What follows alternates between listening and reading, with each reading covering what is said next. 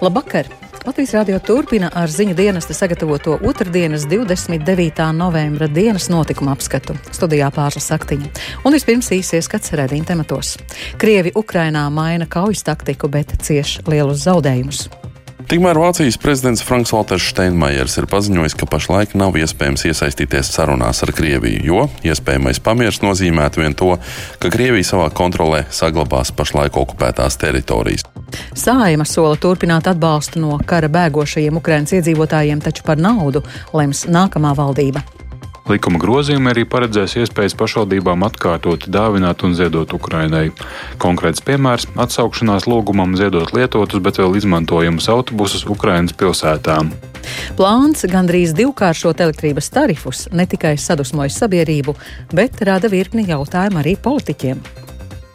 Es tā klausoties, gandrīz aizmigu. Šķiet, ka valstī viss ir labi. Cilvēki saka, ka viņi nevar samaksāt par rēķiniem. Jūs pildiet tikai norādījums, uzstādījums. Krievijas iebrucēji Ukrainas austrumos ir mainījuši uzbrukuma taktiku, cenšoties izstiept frontes līniju, taču arī šāda pieeja nes lielus zaudējumus. Par to paziņojuši Ukrainas spēku pārstāvju un amatpersonas.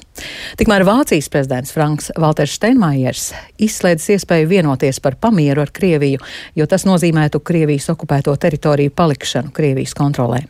Savukārt G7 tieslietu ministri kopīgi aicinājuši sadarboties Krievijas pastrādāto kara noziegumu izmeklēšanā. Un vairāk par aktualitātēm saistībā ar Ukrainu stāsta Uģis Lībietis.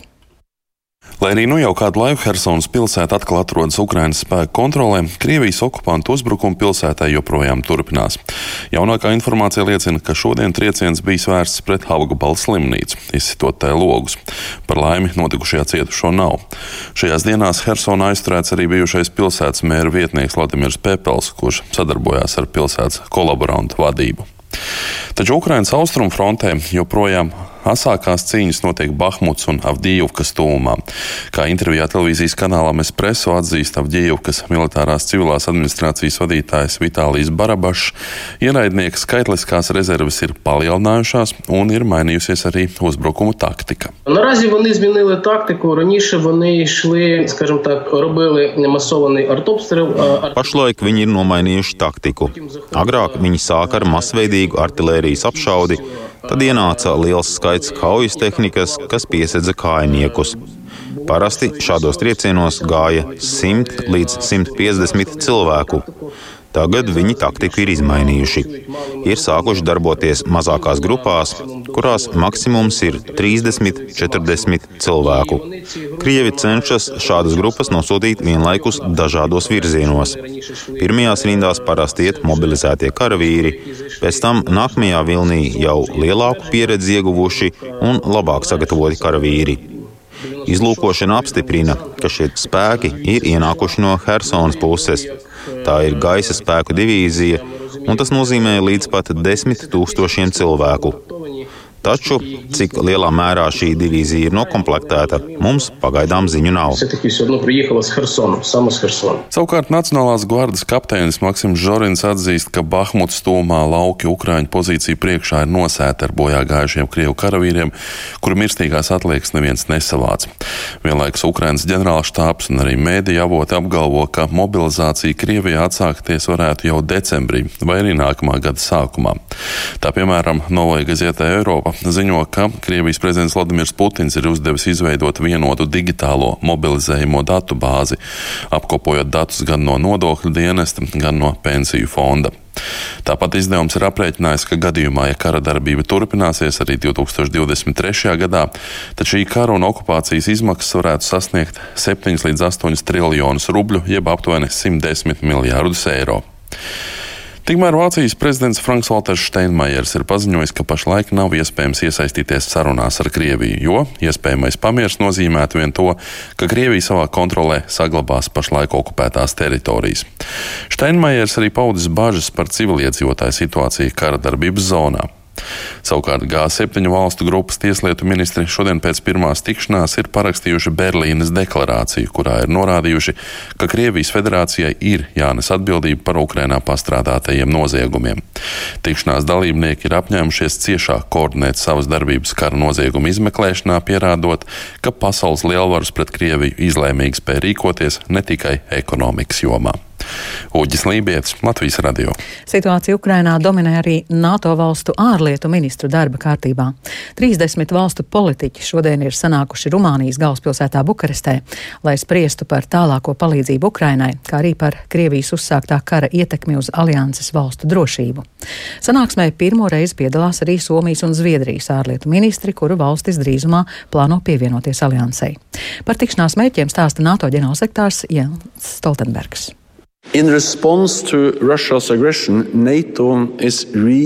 Atbildot uz Krievijas agresiju, NATO palielina savu klātbūtni no Baltijas jūras līdz Melnajai jūrai. Tas sūta skaidru signālu par NATO klātesamību. Mēs darīsim visu, kas ir nepieciešams, lai pasargātu un aizsargātu visus sabiedrotos. Bukarestē NATO valstu ārlietu ministri apspriedīs, kā mēs varētu palielināt atbalstu Ukrainai, kā arī citiem partneriem, kas sastopas ar Krievijas spiedienu - Bosniju un Hercegovinu, Grūziju un Moldovu. Atbalsts no kara bēgošajiem Ukrainas iedzīvotājiem jāturpina arī nākamgad. Tā lēmusi Saimas aizsardzības iekšlietu un korupcijas novēršanas komisija. Deputāti vienojās pātrinātā kārtībā skatīt nepieciešamās izmaiņas likumā. Nākamo gadu, sākot ar tehnisko vai pagaidu budžetu, atbalstu paredzēts turpināt līdzinējā apjomā, savukārt konkrētus lēmumus par finansiālajām iespējām palīdzības sniegšanai nākamajā gadā būs jāpieņem nākamajai valdībai. Vairāk Jāņa Kīņša sagatavotajā ierakstā. Grūti prognozēt, kā turpmākajos mēnešos varētu mainīties Ukraiņas bēgļu skaits Latvijā. Šobrīd ikdienu pārsvarā caur Krieviju un Baltkrieviju Latvijas robežu vēlas šķērsot 500 līdz 600 Ukraiņas bēgļu. Vairums no viņiem Latvijā nepaliek, taču iekšlietu ministrija un citas ministrijas gaida skaidrību saistībā ar nākamā gada valsts budžeta iespējām, lai plānotu atbalstu sniegšanu tiem, kuri apmetīsies Latvijā. Jārēķinās, ka iebraucēji no Ukrainas varētu būt vairāk, ņemot vērā arī Ukrainas prezidenta Volodimira Zelenska aicinājumu drošības apsvērumu dēļ pārzīmot ārpus Ukrainas. To atzina iekšlietu ministrijas valsts sekretārs Dimitrijs Trofimovs. Tiem, kuri apmetušies Latvijā, atbalsta programma ir jāturpina. Šis pagaidu aizsardzības status, kas tika noteikts uz gadu, tiks pagarināts pēc noklusējuma. Tad atbilstoši tam Eiropas regulējumam, šīs pagaidu aizsardzības status darbojās gadu plus uh, vēl divus katru pusgadu lemjot politiski par to, ja šī situācija paliek aktuāla. Termiņu uzturēšanās atļaujas Latvijā saņēmuši virs 37 tūkstošiem Ukraiņas bēgļu. Daļa no viņiem gan ir atgriezušies karas kartajā valstī. Latvijā pašvaldībās pēc palīdzības vērsušies teju 35 tūkstoši cilvēku un izmitināti 11,5 tūkstoši Ukraiņas bēgļu. Ap 7 tūkstošiem no viņiem Latvijā ir sākuši strādāt. Iekšlietu ministrijas plāna projekts paredz scenāriju ar 40 tūkstošiem Ukraiņas bēgļu Latvijā, paredzot indikatīvās izmaksas plāna īstenošanai līdz 215 miljoniem miljoniem eiro. Ņemot vērā kara darbības turpināšanos Ukrainā, parlamentam ir jāpauž skaidrs atbalsts plāna turpināšanai. To uzsvēra vairāki komisijas deputāti. Turpina Ainārs Latkovskis no jaunās vienotības. Arī mūsu kā komisijas un saimnes primārais uzdevums ir viest skaidrību par to, ka pēc 31. decembra šāds pats atbalsta apjoms, kāds ir paredzēts pašlaik likumā, turpinās. Mēs pateiksim, ka pagarinām uz 3, 6 mēnešiem šādu pašu apjomu, lai būtu cilvēkiem skaidrs, gan pašvaldībām, gan tiem, kas strādā, gan pašiem ukrāņiem. Līdz šim šajā gadā sociālo palīdzību saņēmuši gandrīz 40 tūkstoši Ukraiņas bēgļu. Tam izmantoti te 19 miljoni eiro. Piemēram, mājokļa pabalstu oktobrī saņēma ap 3800 cilvēku. Ukraiņas bēgļi var saņemt veselības pakalpojumu bez pacientu līdzmaksājuma, un to izmantojuši teju 10 tūkstoši Ukraiņas iedzīvotāju. Deputāti likuma papildinājumus par atbalstu turpināšanu Ukraiņas bēgļiem plāno pieņemt nākamnedēļ. Tādējādi būtu arī jāveicina šo cilvēku darba iespējas Latvijā, uzsvēra Latvijas pirmajā vietā frakcijas deputāts Edmunds Ziltiņš. Dot nevis šo zivi, bet makšķeri. Mums ir ļoti svarīgi viņus integrēt. Tie, kas šeit grib palikt, viņiem ir jāmācās valoda, viņiem ir jādod iespējas strādāt strādāt. Nevis pēc iespējas mums jādomā, ir, kā mēs viņiem palīdzēsim, dosim naudu, dosim naudu, palīdzēsim, tikai dosim naudu, lai viņš var šeit izdzīvot. Mums ir jāintegrē viņš, lai viņam būtu komfortabli dzīvot, pieteikties darbā, iestāties darbā un lai tas spiediens uz valsts budžetu kristos. Likuma grozījumi arī paredzēs iespējas pašvaldībām atkārtot dāvināt un ziedot Ukrainai. Konkrēts piemērs - atsaukšanās lūgumam ziedot lietotus, bet vēl izmantojamus autobusus Ukrainas pilsētām. Par to turpina uzņēmuma Rīgas satiksme vadītāja Džineta Innusa. 11 autobusi jau tika ziedoti martā, taču mūsu rīcībā vēl ir vismaz 10 Mercedes um, autobusi, kur ir gana labā tehniskā stāvoklī, taču mēs viņus turpmāk neizmantosim. Pirmkārt, šiem autobusiem ir um, motors, kas jau neatbilst Eiropas Savienībā noteiktajām prasībām Eiro 2, Eiro 3. Mēs ļoti, ļoti labprāt šos autobusus nevis norakstītu un nodotu metālu lūžņos, bet vēl desmit autobusus varētu tiešām ziedot. Likuma izmaiņām stājoties spēkā vēl šogad, šos autobusus varētu Ukrainā nogādāt nākamā gada sākumā. Tos plānots aizgādāt līdz Ukrainas robežai, kur tos pārņems vietējo pašvaldību pārstāvji. Jānis Kincis, Latvijas Radio. Elektrības pārvades gigantu sadales tīkla un augstsprieguma tīkla plāns gandrīz divkāršot tarifus ir ne tikai sadusmojis sabiedrību, bet virkni jautājumu raisīs arī politiķiem. Un šodien šo jautājumu skatīja Saimnes komisijas sēdē, un tai līdz sekoja Linda Zalāne. Sadalas tīkla tarifa projekts paredz tarifu no nākamā gada jūlija kāpināt par vidēji 75%. Savukārt augstsprieguma tīkla tarifa pieaugums būs 111% apmērā, un tas stāsies spēkā no nākamā gada 1. marta. Saimnes komisijas deputāti jautāja uzņēmumu pārstāvjiem, vai tiešām šāds tarifu kāpums energoresursu izmaksu pieauguma izraisītās krīzes un inflācijas augšuplējas laikā ir pieļaujams, jo tas ievērojami ietekmēs gan mājsaimniecību, gan uzņēmumu ikmēneša mēneša izdevumus. Turpina Ainārs Šlesers no partijas Latvija pirmajā vietā. Es tā klausoties, gandrīz aizmigu. Šķiet, ka valstī viss ir labi, vai es kaut ko nesaprotu. Cilvēki saka, ka viņi nevar samaksāt par rēķiniem. Jūs pildiet tikai norādījums, uzstādījums. Tarifu pieauguma ieceres jau izpelnījušās plašu kritiku no dažādām politiskām partijām. To kritizē arī ekonomikas ministra Hilza Indriksone no Nacionālās apvienības, kura uzdevusi sadals tīklam tarifu pārstrādāt. Sadals tīkls izpildirektors Sandis Jansons sola korekcijas veikt. Ko mēs eh, pārskatīsim, tas ir elektroenerģijas cenas mūsu iepriekš minētās. Mums ir dažādi scenāriji, kā mēs šīs pozīcijas varam piefiksēt uz nākotni, pārdomāt un mazināt jau šajā tarifu projektā. Tarifu plāna korekcijas sagaidāms arī augstsprieguma tīklam, turpina Finanšu ministrijas pārstāve Olga Bogdānova. Šobrīd ir identificēti aptuveni deviņi virzieni, kā varētu šo problemātiku risināt. Tad, tad attiecīgi līdz 20. decembrim premjeras gaida no ekonomikas ministrijas kopsadarbībā ar finanšu ministriju un kapitāla sabiedrībām izvērtētu analīzi par to, kurš no tiem risinājumiem varētu būt valstiski vispareizākais. Tas nozīmē, ka pašreizējais tarifu pieauguma plāns ir teorētisks un lielāka skaidrība par to apmēriem būs pēc tarifu korekciju izskatīšanas ministru kabinets sēdē. Linda Zalāne, Latvijas. Latvijas radio. Valdībā apstiprināti priekšlikumi specializēto auģu ģimeņu un ārpus ģimenes aprūpes atbalstam. Labklājības ministrija uzskata par nepieciešamu izveidot jaunu auģu ģimeņu specializāciju - auģu ģimene bērniem ar uzvedības traucējumiem vai atkarības problēmām. To varētu ieviest no 2024. gada. Stāsta Labklājības ministrijas bērnu un ģimenes politikas departamenta direktore Ilze Kurme. Jā, bet nozīmīgākie tātad, soļi šajā ziņojumā noteikti ir tātad, jaunas specializācijas izveida auģu ģimenēm. Tas būtu bērniem ar uzvedības traucējumiem vai atkarību problēmām un stātos savā darbībā aptuveni no 24. gada.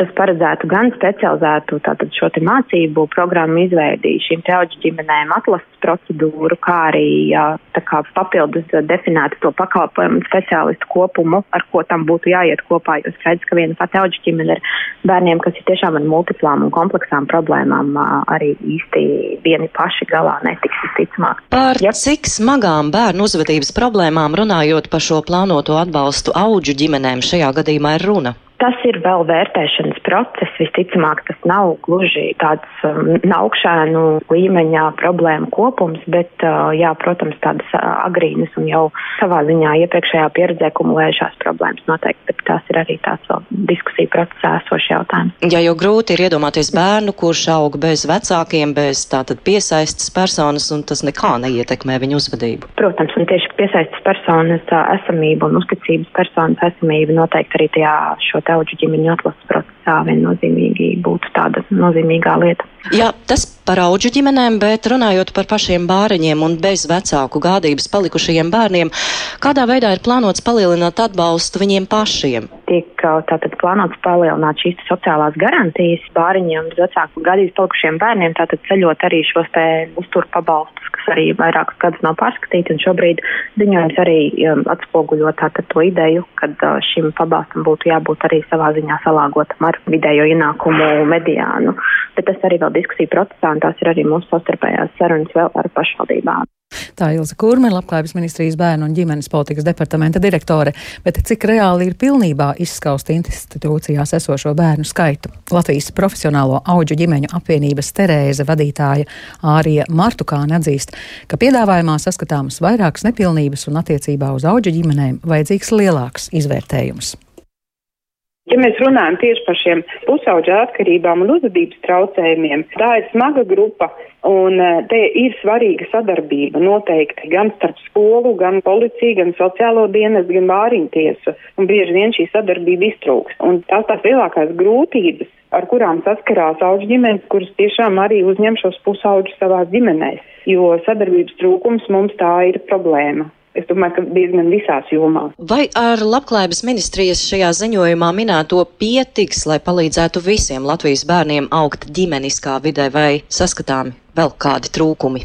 Šobrīd ir tā, ka par ko mēs varētu runāt, kā ārpuszemes aprūpas atbalsta centri, ka tā darbība nav izvērtēta. Teiksim, ir pagājuši četri gadi, un nav izvērtēts, kas šobrīd tiek nodrošināts ģimenēm, uz ko mums ir jāiet. Tāpat nav izvērtēts, teiksim, tas auģu ģimenes institūta kvalitatīva attīstība, jo šie noteikumi nav pārskatīti. Daudzas lietas, kas šobrīd jau nāk klāt, ko auģu ģimenei vajadzētu darīt, bet kas nav iekļauts noteikumos. Tāpat uh, ārpus ģimenes aprūpas atbalsta centri ir secinājuši daudzas lietas, kas arī tika ziņojumā iekļauts, nu kāda 140 apmēram priekšlikumu, ko vajadzētu vēl darīt, bet ziņojumā tika iekļauta daļa no viņiem. Un par pārējo, nu, es ceru, ka šī sadarbība ar ministriju notiks un tiks izvērtēta. Tā kā tas eh, mūsu skatījums ir krietni plašāks, nu, ja mēs salīdzinām ar to, kā ministrija redz šo kustības attīstību.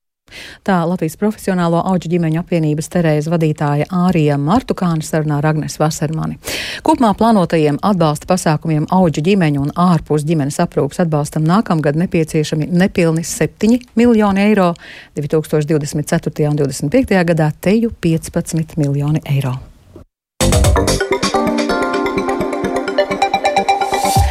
Ar tukšajām pudelēm no laukiem uz pilsētu. Tā depozīta sistēmā iekļaujas ļaudis latgalē. Lauku mazajiem veikaliem iepakojumu pieņemšana nav obligāta, tāpēc cilvēkiem jāmēro ceļš uz lielākiem veikaliem pilsētās. Taču kopumā depozīta sistēma Latvijas rādio uzrunātie vērtē pozitīvi, jo vide kļūst tīrāka. Vairāk Lāsmas Zutas Vītols ierakstā.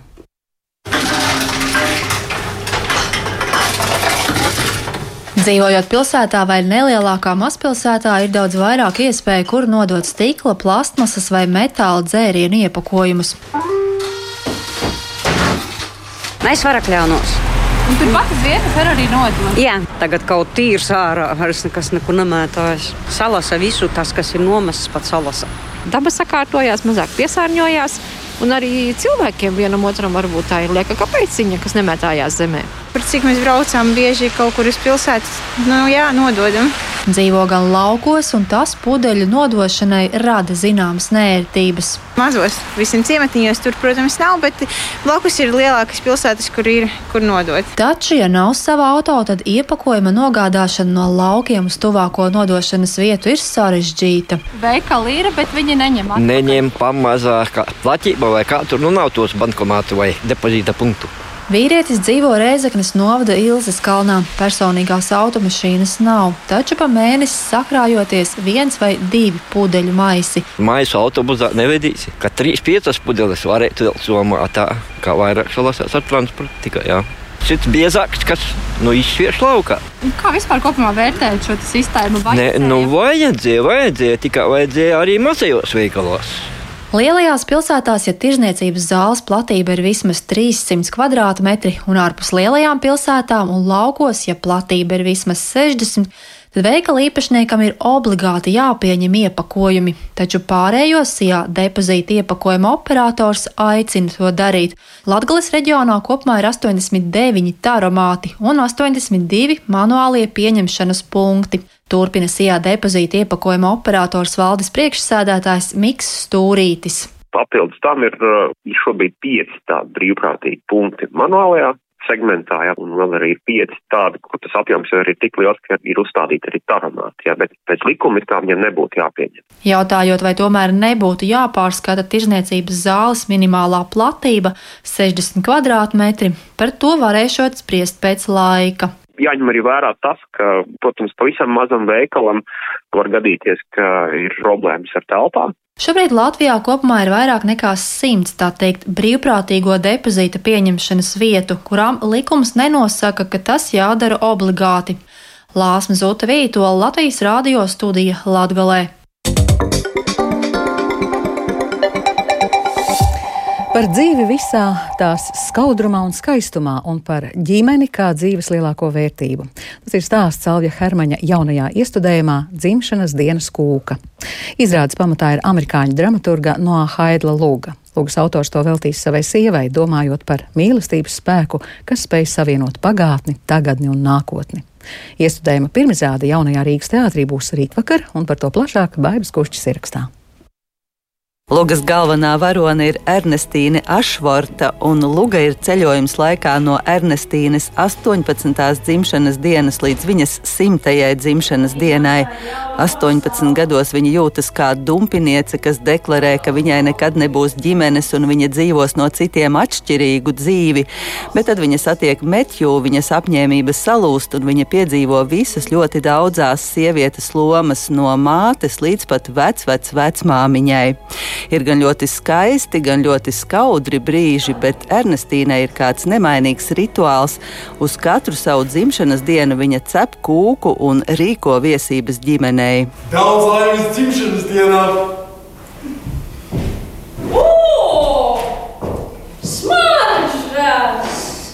Kā uzsver izrādes režisors Alvis Hermanis laikā, kad pasaule ļogās un grīļojas, daudz labāk nekā citkārt mēs spējam novērtēt, ka vissvarīgākais dzīvē ir mūsu ģimene un mūsu paši tuvākie cilvēki. Par to arī vēst izrāde, kas vienlaicīgi ir arī stāsts par mirkli un mūžību, par dzīvi un nāvi un par ikdienišķo un pārlaicīgo. Galveno Ernestīnas lomu izrādē spēlē Agate Krista, bet viņas kaimiņu Kenetu Gertsla Poška, kurš Ernestīnas dzīvē izrādās ļoti svarīgs cilvēks, nevelti viņš uz 18. dzimšanas dienu viņai uzdāvina zelta ziltiņu. Aktierus arī aicina uz sarunu. Kādas tās atziņas jūs paši sev paņemat par dzīvi no šīs lugas? Mīlēt savus vecākus, kamēr vēl viņi ir, savus vecvecākus. Jā, vienkārši ļoti, ļoti mīlēt cilvēkus, kas tev ir apkārt. Savukārt man pielieca kā jutās vecā mamma, kad uh, arī viņai tāpat kā Agatas varonei. Vairs nebija par ko rūpēties. Un man ļoti patīk viens teikums, ko Agatē Svarona saka, izrādē, es tev vēlu tik daudz skaistu stundu. Es domāju, jā, tā dzīve ir par labiem cilvēkiem apkārt un brīnišķīgiem brīžiem ar tiem labajiem cilvēkiem apkārt. Vispārējais var ieskrieties tur krūtu mašīnu un krūtu māju vienalga, kas ir labi, mīloši cilvēki apkārt. Baigā lieta patiesībā. Mm. Jā. Ko simbolizē zelta ziltiņa? Dievišķumu sevi. Savas, jā, dievišķais katrā cilvēkā. Un tas ir Ernestīns eh, labākais draugs, Tā ko uzdāvina Kenets. Tā ir dvēsele kaut kāda mana. Vai ir jācep tiešām reāli kūka? Es pa īstam godīgi cepu kūku. Aktieri uz skatuves vairāk atklās iekšējās pārmaiņas, kas notiek ar cilvēkiem gadu gaitā. Savukārt ārējās pārmaiņas būs redzamas fotografijās, kas izveidotas ar speciālas aplikācijas palīdzību. Baiba Kušķe, Latvijas radio. Ar to izskan dienas notikuma apskats. Producents Edgars Kupčs ierakstus montēja Renāša Steimanis par labskaņu ļopējās Mātīņš Paeglis, ar jums runāja Pārslas Saktiņa. Vēl īsi par svarīgāko. Krievi Ukrainā maina kaujas taktiku, bet cieš lielus zaudējumus. Sājuma sola turpināt atbalstu no kara bēgošajiem Ukrainas iedzīvotājiem, taču par naudu lems nākamā valdība.